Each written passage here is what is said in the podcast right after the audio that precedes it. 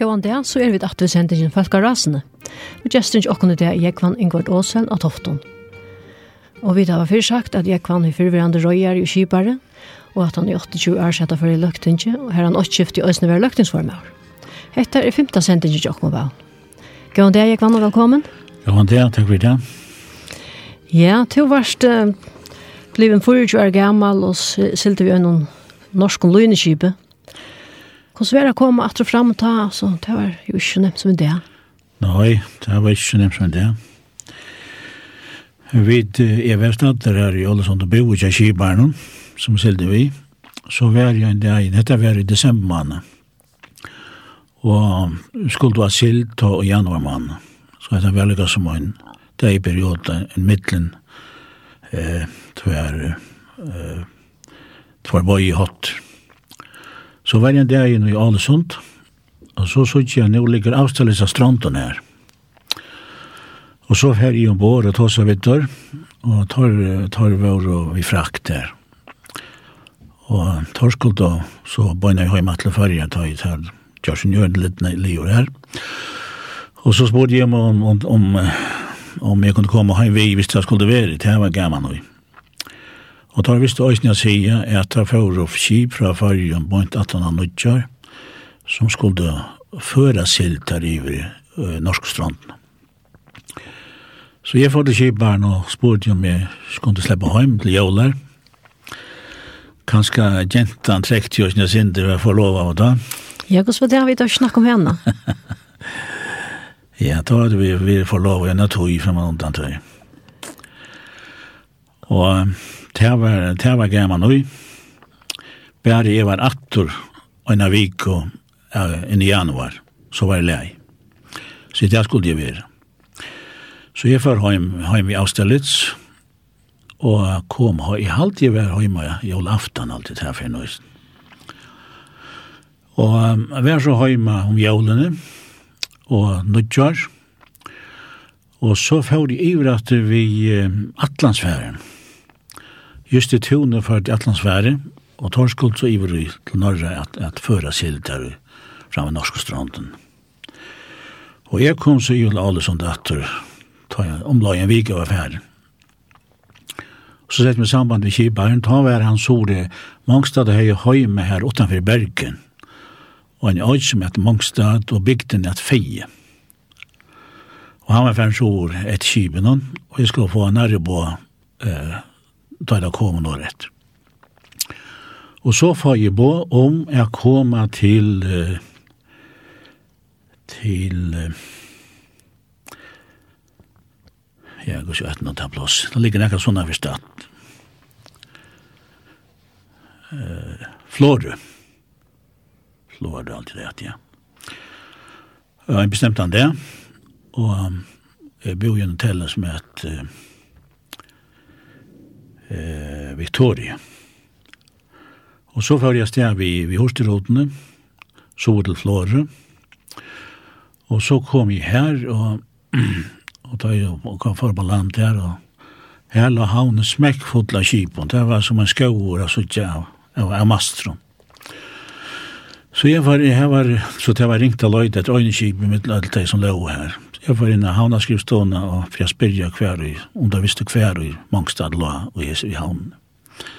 Så spurte han meg om jeg, at jeg var Olsen sier, ja, jeg har lov et telegram til min.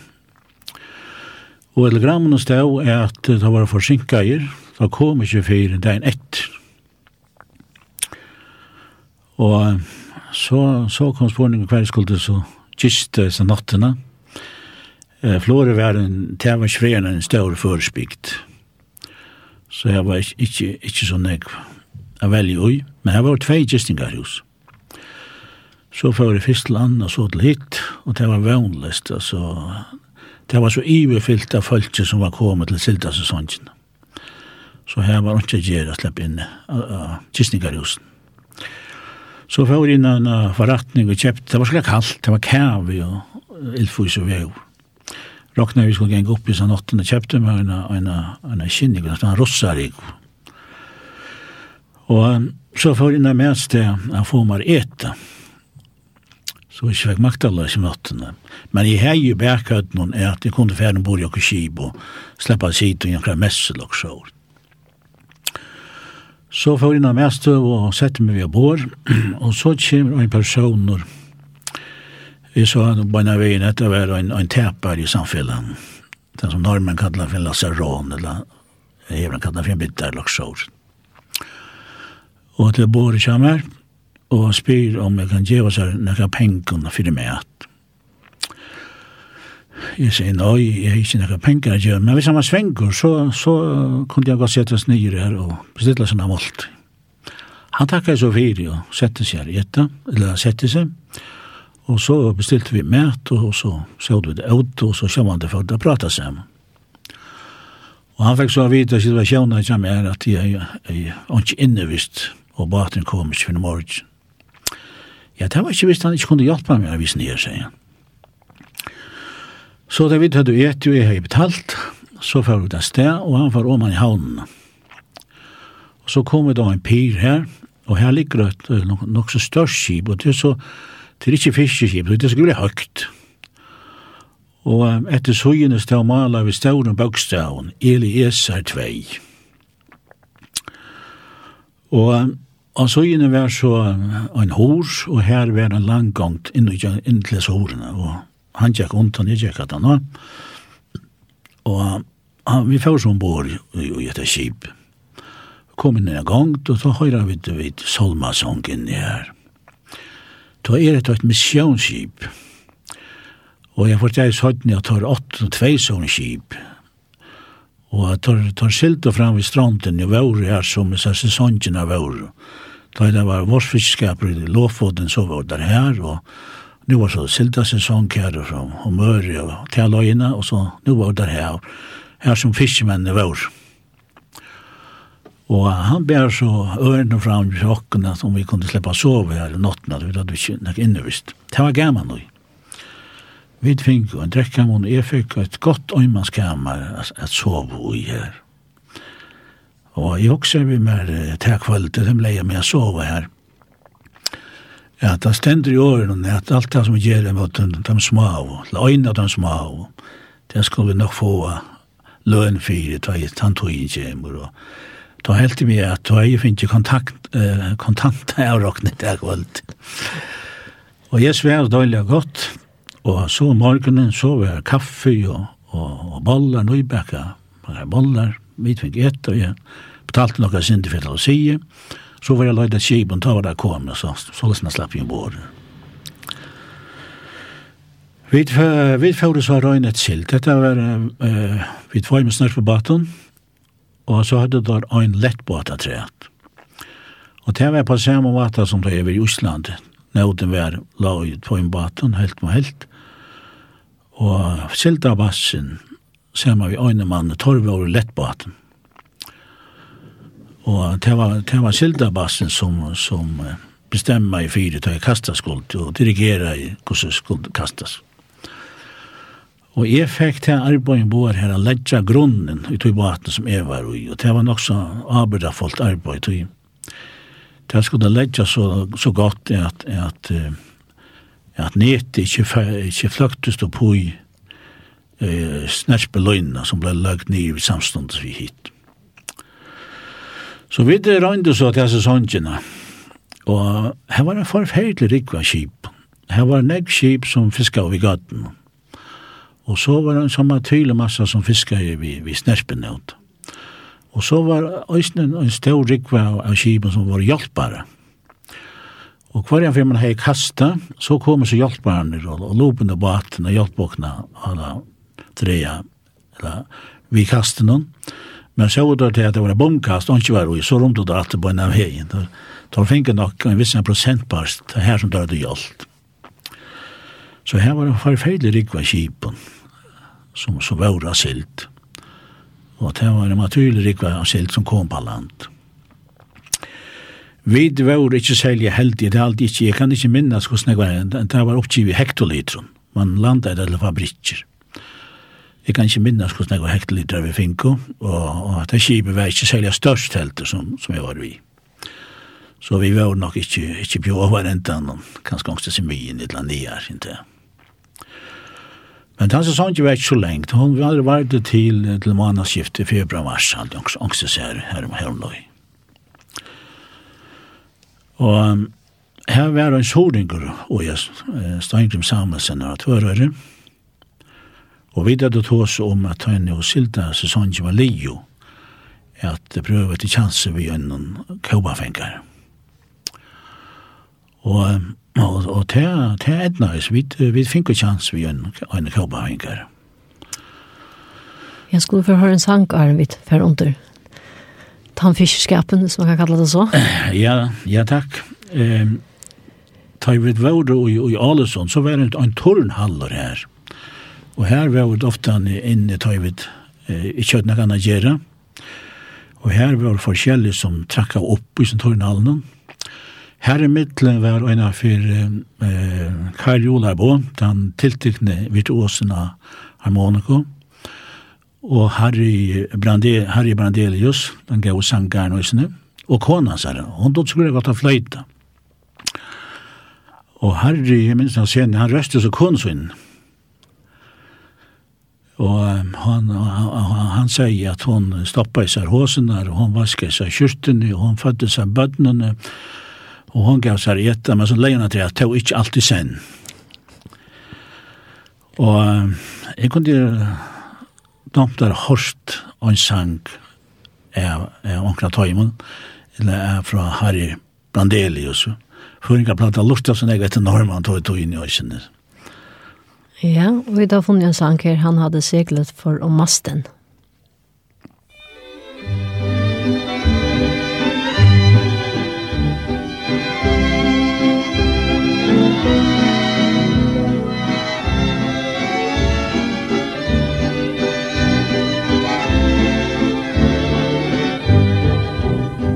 Han hade seglat för om masten Som en man ut i många år. Han hade seglat med beskjutning i lasten Från Frisco till Singapore Han hade seglat med fransmän och britter Och med dem som betalt honom bäst Han hade slungat sig mot Sydjyllands klitter en gång I en storm från sydväst.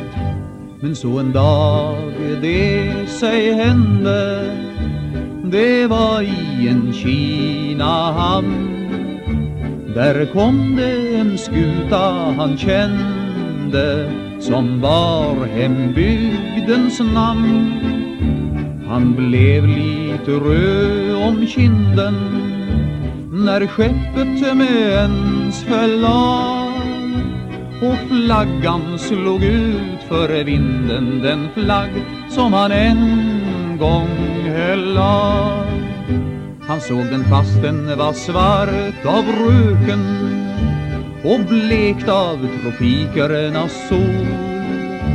Han hörde den fladdra likt göken Som i hembygd skogarna går Och gul som ett skälvande klänge Han sett i en flickas hand.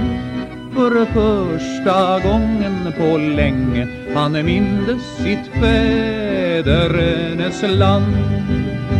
Han mindes då en röd liten stuga Någonstans i ett höljeskjut Där höga trästammar buga Sig inför så skön en bygg Han hörde flickskratt ifrån logen Och en välbekant dragspelslåt Han mindes en gång ut skogen och slutligen brast han i gråt.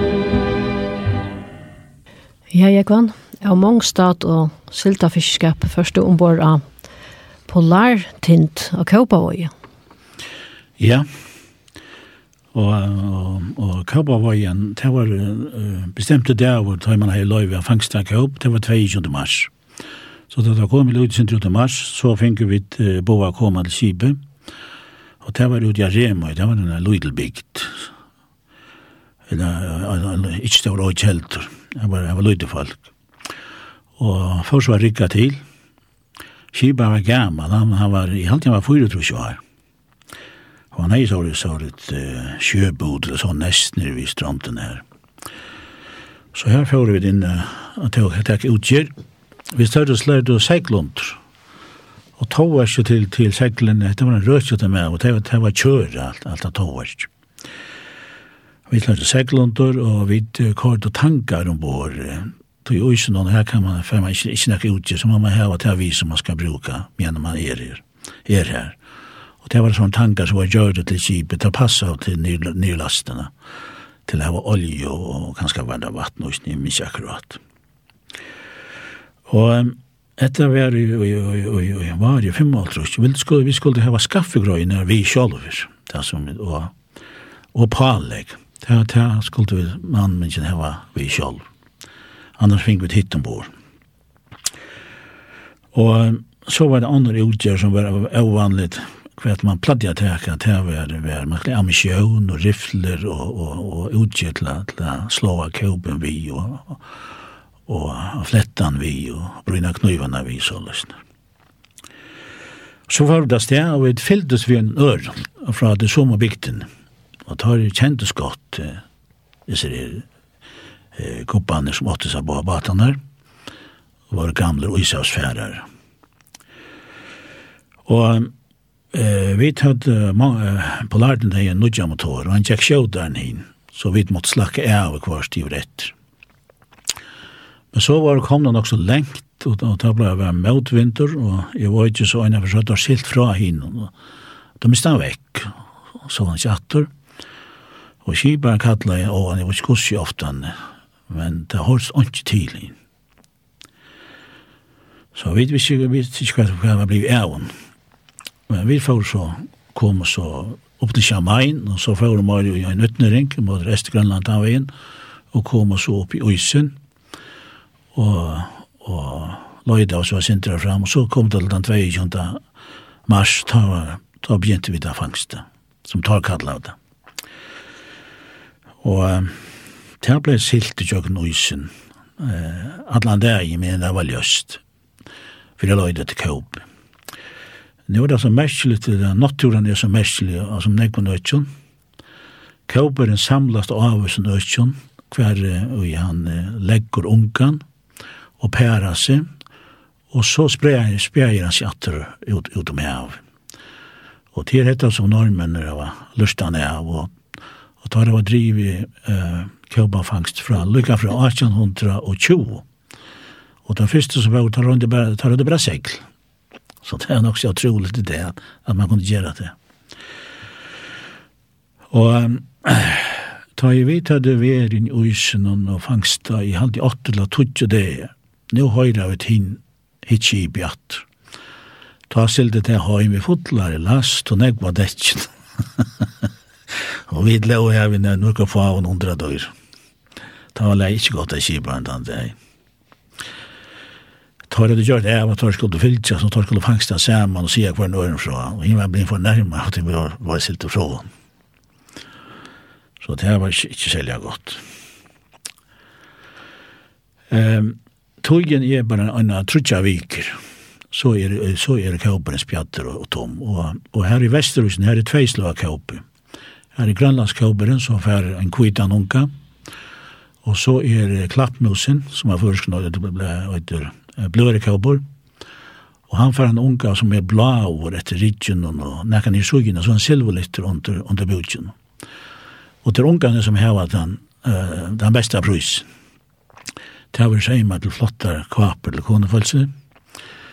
og en sånn kvapa, hun, hun kosta negva tusen kroner, eh, ta henne velkjørt.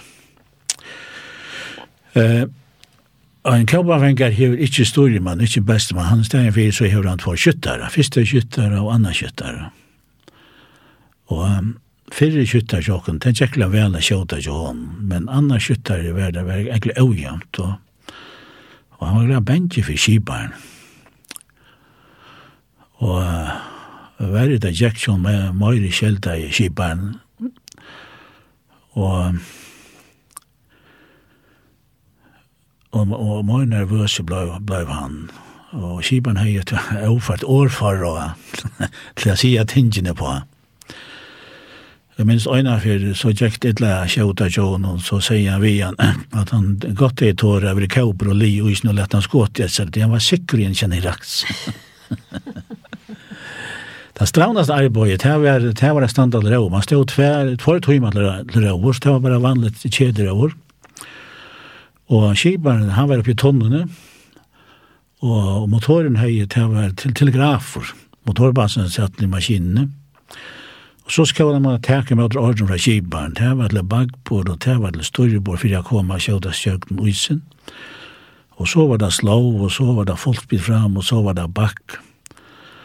Og så, det, det var strev, altså. Det, man, det, man svøtta i ordentlig, at man, man heier av tøren.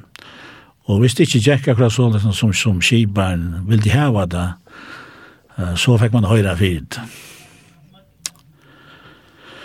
Ja, vi var oss inne i øysen og nøyre, og vi trodde jeg viker, og så så vi at han tog en ivestegn, og, og vi får oss at til lands.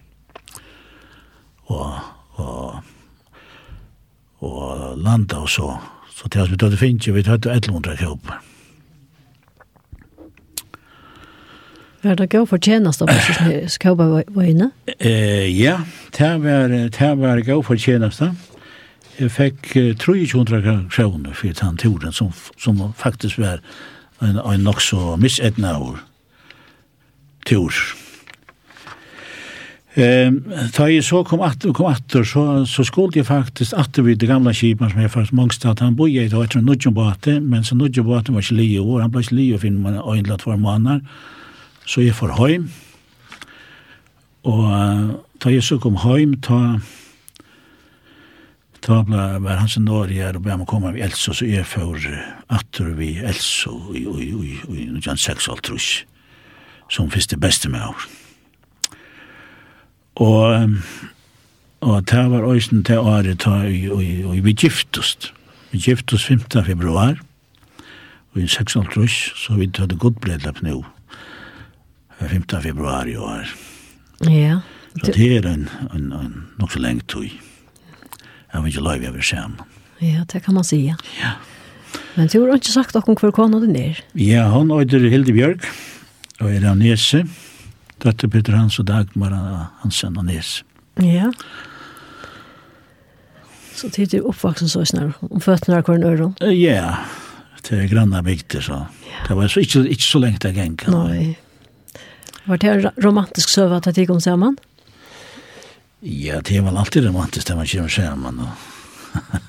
det var også den 15 februar, Ja. ja. Da vi kom samman först ja. och fyr. og det var jo en brittläpp. Å oh, ja. Ja. Det var som man sier, kærlighet ved første blikk. Eh, ja, det var ikke inte. Vi hade rymd sast og ikke skola samman så man ikke sier det var vi første, første blikk, nei. Nei. Det var så året som, som vaks etter hånden och fick en grå grundvödla. Att leva vidare, ja. Ja, og røttene her var så helt. Ja. Ja. Skulle vi kanskje få hørt en sang som høsker seg til det? Ja, det er vel de gjerne sendt konen en halse vi en gang sendt. Ja. Det var jo kan gå. Ja. Eh, nu är det ikke guldbrorvalsen, det var ikke som det finnes när kanskje guldbrorvalsen det där visst, men vi tar silverbrorvalsen og det är allt skalom som synker. Ja, vi kan ganske spalta en tvær, for så det var allt så. Ja, nettopp. Ja.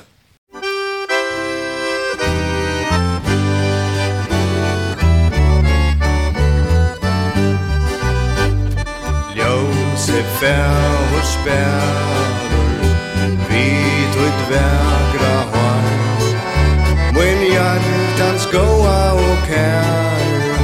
Og i fem og tjuv år Enn i tøynum eion Sa stema skolka brås Som fyrst og fyr vi kvar og sæv Hjarta mot hufekka gås fram mun kære skapur Du ert alt ja mer En lukk og lir som dagen Hva vi du gav til svær Lyfte om at liva Ser man til seinasta der Og i sorg og glede kærleiks vei Joppa skal okkom til tær. Minnene tei kæro Gøy meg så vel. Om kærleiks leskande løder Gjer streve til tida spel. Esen stille valser Eina okkon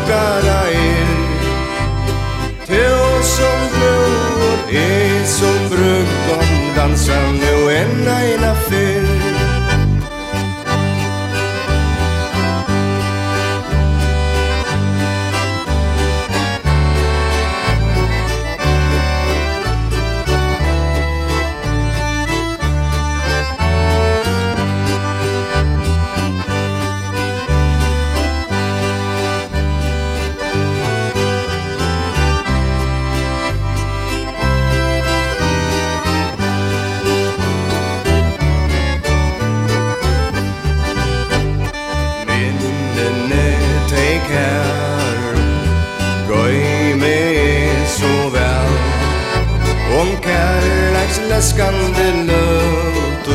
Ger strevet tyra spjall. Esen stille valsur Aina okkara er. Tusen bror er som brukkom Dansa nu en aina fyrr.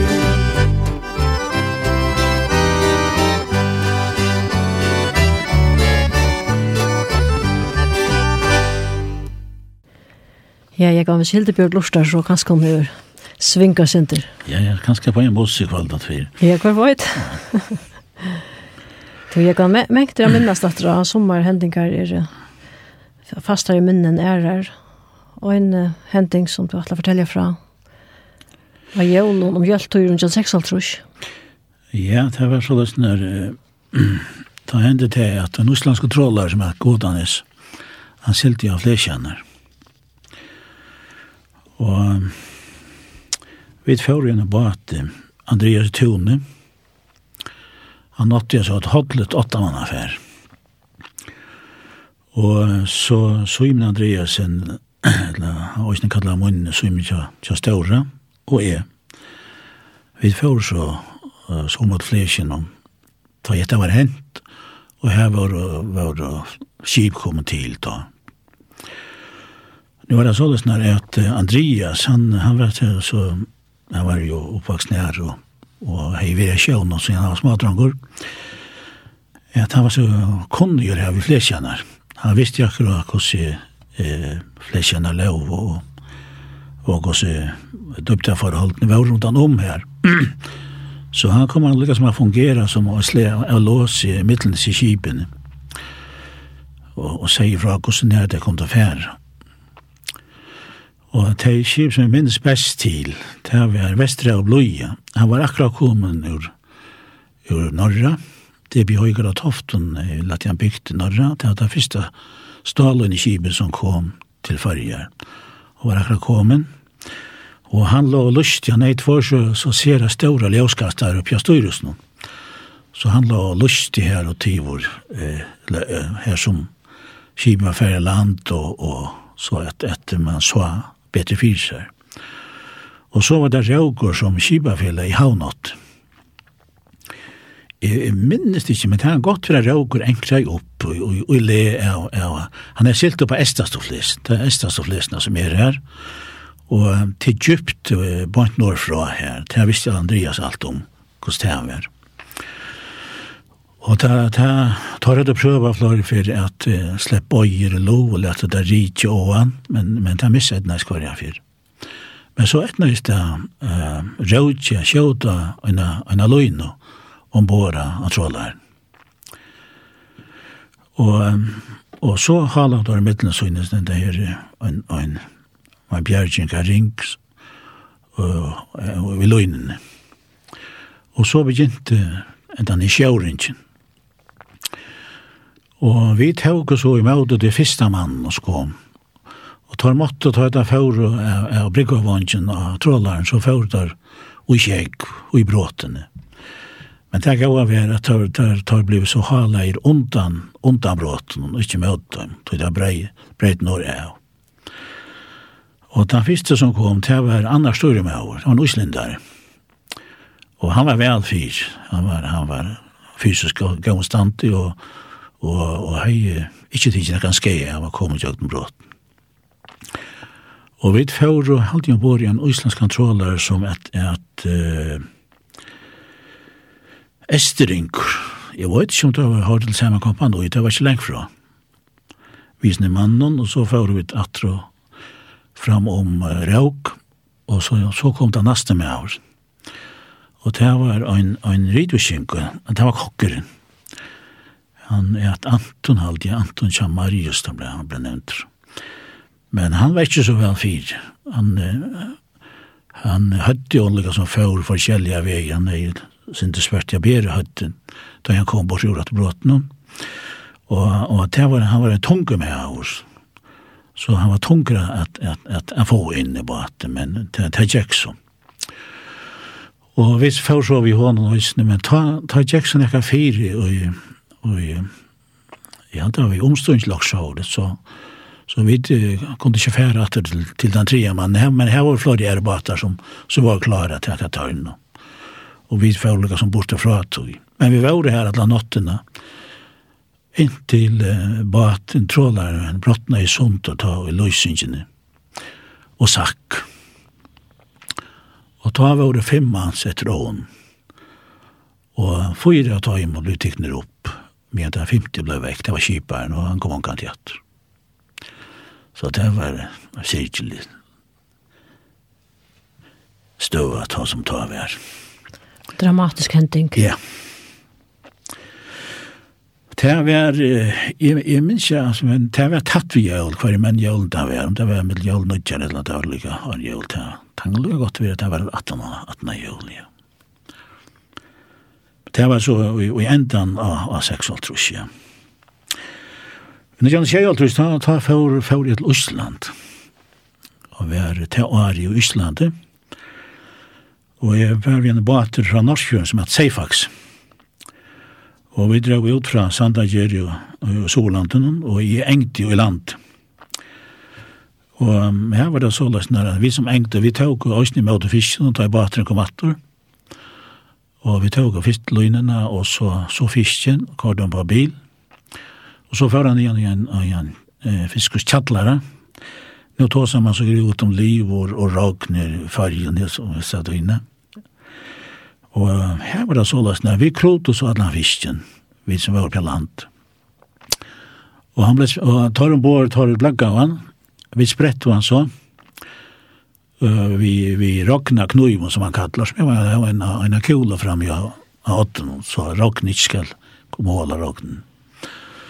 Og tog og livrene, og tog og rocknene, og, og tog og gattnene, og alt blei, blei, alt kom til hølt. Eh, Sjálf gattnene tar fóru til eina, eina, eina mjölversmi. Så så låsna ikke blei det gjørst her, tog. Så var det vid anket og i at hvis det var til åleie i båten i tjokken, så var det som leisamann med året vi vi okkur øren båt. Øren var tjena penger. Eh, vi drønte så verst inn her eh, av Solandnån, og så fører vi eh, røyne etter så vi snell. Og eh, Og så skulle bateren riggas til, til silt, og jeg skulle framvis være vi. Men jeg ble så i middelen tog, og ta være vi en sånn minnebat, og jeg vi snell. Og jeg minnes en til at da finner vi 12.000 pund av torske vi lenkanis. Det var fyra mann, så det var, det var en god dag. Um, og så får vi vi silt vi, vi seifaxa. Og det var det som de kallar for ringnøt. Da har man bare øynbåt. Alle nøten var i øynbåt. Og da man kastet i, så, så bant man båten på søyene av det større av skibene, og, og sylte så det sånn rundt om stimen. Men så drev man nøtene inn og gjette båt. Og, og så hovar man på skibet. Så det var liksom en forløybar for kraftblåsjen som er kommet. Søgjene. Og ta en så silta at hun var, var ivestegin, så, så var han boint i ivestegin her, i Osland, det det var. Men jeg var også glad for, for det her togin. Så er man lagt det sin til møyr, enn bare vidt den første skipen, vi har vært åtte år ved norske baten, og åtte år ved islandske baten. Ja, og hva først du så gjør? Ja, Så, så kom eh, 8 Trus, og ta kom Rosen Grasmussen og den av Gottjammer, og med meg til kipare av Johannes, som verfeir hans er 80, Andreas, Andreas Hansen i Tun. Er det først kipare til? Nei. Det var spennende. Ja, det var som en erbjørn i seg selv, men det var ikke jeg i var. Og, og jeg tok så av, og Vi forsøkte jeg rikket til, og kjører løgnene. Vi kjørte han til her i Søldafiren. Det var en barakk som er sin drottafiren, som videre støtte det. En sånn stor barakk som tar stå til å ta om. Jeg kjørte løgnene til, og, og så får vi forrige sted. Det var i januar mann. Og vi er at han sigla nyer, hvis vi vet, til Englands vi fisken, og hvis vi fikk nærk. Og vi drømte tvart av fyrst og det andre Estanfyr her, som vi kallar fra, fra skovaidne soret, det er da skovaidne som rundt hans andvaidne, er så langt rundt. Just i tune for et um, brester da, den nødja Lønnebatten, og han er sa fortalt for meg her, at det var et virja og at det finnes jo for det store i huset her, Og hysa var den fiskur som hei faktisk besta prus av de breska marken av den jumpaddok som ble kalla av. Så at hon var ettertrakt av da man skulle ta vi. så tar vi til det rønt for det her, så får vi da sigla ut av Färjabank. Og vi sette så, det var nok så lonja sigla, og sette så mot matne, og det var nok så godt vi med han silt ut, men ta, ta frusken av vinteren Og vi har vi sett å ta, ta, ta vaksvinder rattelig nek. Vi sett oss og trustamper, det var sista løgnet. Og så skulle vi for å dreie halvannan til det stegen halvannan annan timelags år. Og jeg tørna inn. Og så ble jeg på det utdatt og tørre lagt av, og det slidde og det stand der, den første, og så er det stilt etter bøyen, ikke funnet bøyen. Og da var det blitt rettelig nekve vinter. Så vi sette og bøye nyer, og rundt og løyte sinter, men, men vekkere øtla så øyla kjøtt. Og da blei bare av ringast av vekker. Så vi lå og andre av det her bøyene, og i hand til samme slå til nesten tro i dag. Og, og ta hei man alt av sissel, ta råkna man vi at et antan av tvei døgn i steg elvegre, så var det bøyner av snæra i, men det var lukka som en tommelfingerrek man hei ta. Og vi drøynte av løyta og færa oss lengt fra bøyene, og så atle bøyene, og kom atle bøyene hver jeg fyr, men vi, vi så unga bøyene, jeg kan til at. Så uh, helt vi til at det gjør det som er å er her, så får det siglet lands. Vi lensa altså Ester av bankarna fyrst, så blei fast fastar. Og så sette vi kausen mot trøtlata, og det gikk bare godt av sigl. Så jeg tørna inn da. Og så, så vakna jeg vi at, at kibefæra får feil bjølgakast. Og man var sendt i kodjen i pundet dekki og så nyra fotaleie, og da var bulter og sett i kipen. Og, og så høyre jeg at skjeggveren fossar nyer, og kipen ligger pura leien. Og så rann jeg å komme opp til, til, til kajkjålet, slippe ut. Og jeg, jeg lå i bakbord, og hun var ferdig av storebord. Og da jeg så kom jeg opp, her som man skulle ferdig ut, og ta, ta kjemur han at, at Georg, nevnte G han svev i, un, i underkvartjen Hinemenn. Ta kjemur han brestande oppe i Jøgne Kjekven her, hine, Hineborn, kvartjen. Og äh, jeg får så fram, og vi stod så her, og, og så begynte han å reise seg etter. Og han kom, kom og røste seg mer og mer. Og Og så var jeg begynt jeg gikk opp til leitaren, opp i horen. Man tjekk jo køytene fram og i bestikkrum. Men da jeg kom opp til horen, han jo stendte kjekkven opp i helten av horen i bestikkrum. Så jeg stegg jeg stendte vi har lett han opp, til å komme sånn jeg kjekkven i køytene. Men da jeg var fjerde, jeg trodde jeg fjerde greia, så, så, så lette han opp og fjerde fram. Og men jeg så jeg gikk noen hårene fram i styrhuset Og styrelsen var, var fullt av vi, av smildra og vi. Horen la tvørstrom her. Og jeg var fram i styrelsen, og andre med over i styrelsen. Og så hørte jeg ikke om han er le. Og det var flyttet grann ek forskjellig som var, var, var brått ut av kipen. Og bommeren, større, han er en større, større bom, han er høgsjord og svenhølsene framme. Og Men hekk i bondekjennom, og hekk og bare den mot kjøpsøyen jeg framme i Sørvand. Og motoren hekk hoppla seg jord. Han stod, han, men han stekka ikke. Og han stod og nekken omdrengen. Så jeg slakka han nyer og, og prøvde å koble han og jeg, jeg visste ikke om å skrive hva var fan er og han brottene, men han koppla seg ui og, og, og han listra i røyre. Så hukte jeg i bakpor ta stå ut for man sett, og i bai som hadde stod, som hadde vært i styrhusen, som i første skift og helt var, var ferdig for bor. Ta stå ut der hine menn. Og lika som kikka etter omtiden, og jeg tar det veldig under i kjekk på styrhusen. Og så hadde det færre, færre tannveien som, som luft var å få. Det var Johannes Vaver og Klam og det lampa tar på her.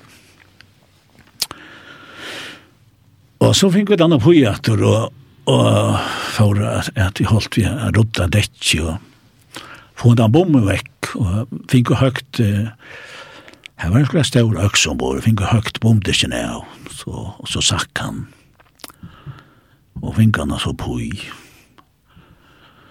Og, og fikk ja, det var også sånn at, at, at lugene lå, mest nok. Så vi ropte av det ikke så, så flatt som konto, og, og ja, da kom jeg tråler, og nanske tråler for jeg får bo i her. Vi rånte av blåset, men tar seg åkne ikke. Så var ikke blåset. Og så tog vi denne undan, han var ytten i grattene, og lensa så esterom, esterom, som blir enda. Og så når vi, vi, vi, vi, Sorøyten. Og da vi kom, ta slatt nei, Og här framme var, var røyken og så allt, det var alt ferdig. Og jag var, var ikke, man fick inte hva bussen natt. Og da fick kokker, han fick vi fikk kjent der upp på hytten. Jag var en ånder och fick koka och kom dräcka ta.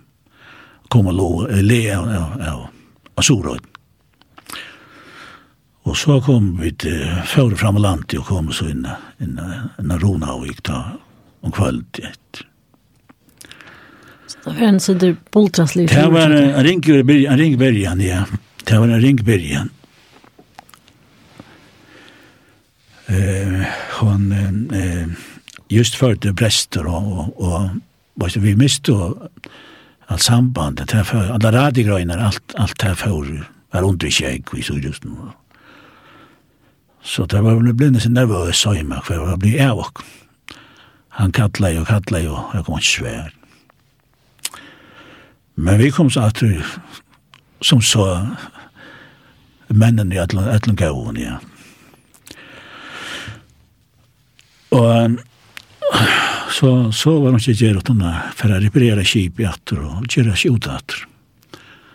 Og så røv vi ut til, til som etter var av noen. Så fører vi til Grønlands og fiska og en last vi Løyno og så lade vi det om til Snello og og fiska og øyne last eh, visne, på skip hjertet til Visnello.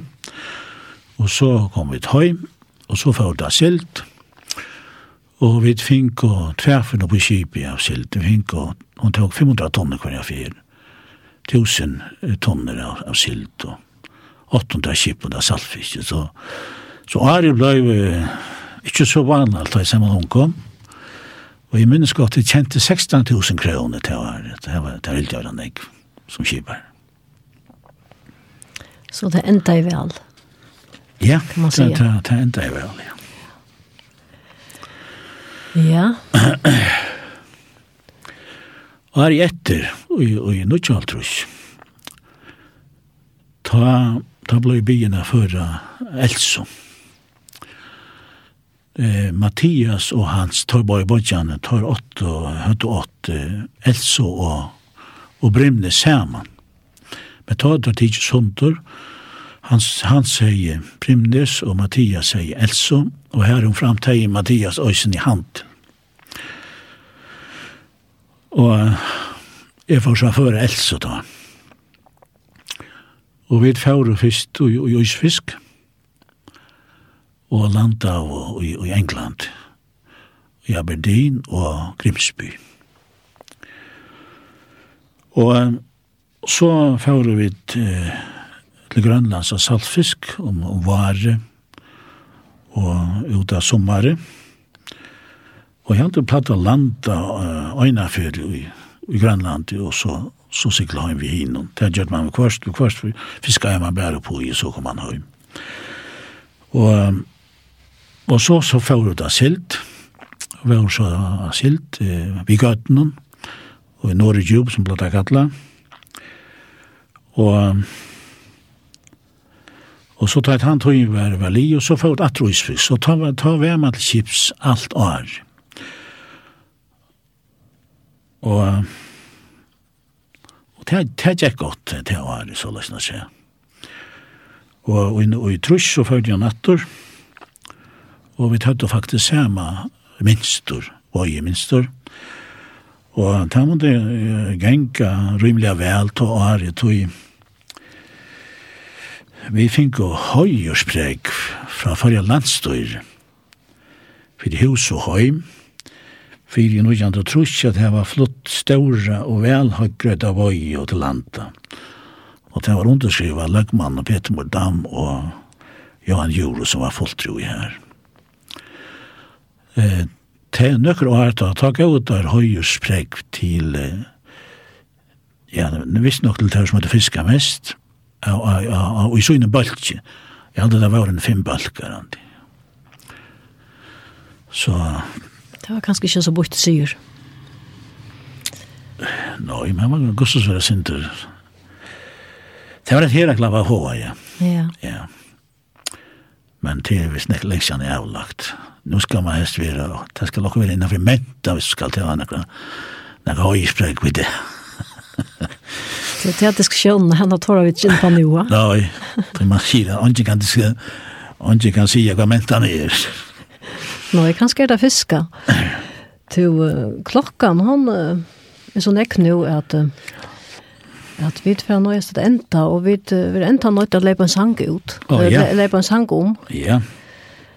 Tøy at um, løsingene der skulle i luften og er en sånn slapp fram, vi tog ikke nå. Ja. Men du lov å komme etter neste torsdag. Ja, ja. Ja, hva først du ta fortell, Jakon? Ja, det var vel, nå gikk jeg frem til en løyvekjammer, så, så ta kom han frem i trusjene, og ta kom han frem mot tog, til man begynner å investere i vinnerløyve. Ja. Ja og i alfjesta kommer man inn i Tinge. Ja, det er gleden til høyre. Så det er vi åkta tog fram etter, ja. Ja, ja jeg kan til å lov å komme her og rast vei ut hver sendinger etter rett, ja. Så kjør vi fram til. Ja, vi var nok kåket den ild, ja. Ja. Til, um, og til har yngste hørst uh, søstrene Tofton, synes jeg. Ja, til så løsner vi få uh, en del senere her av Holten og og man møter trofeste kvann det man vaknar. Ja. Og Arvid høyre at her synsja, så skulle vi sige at dette var sendingen falka rasne. Og gesten til åkken var i det som du hørte, jeg var Ingvard Olsen og Tofton. Og så bør jeg etter sija takk for i det, og i utvarstående Jonas Siversen, tekniker i Ronny Petersson. Farvel.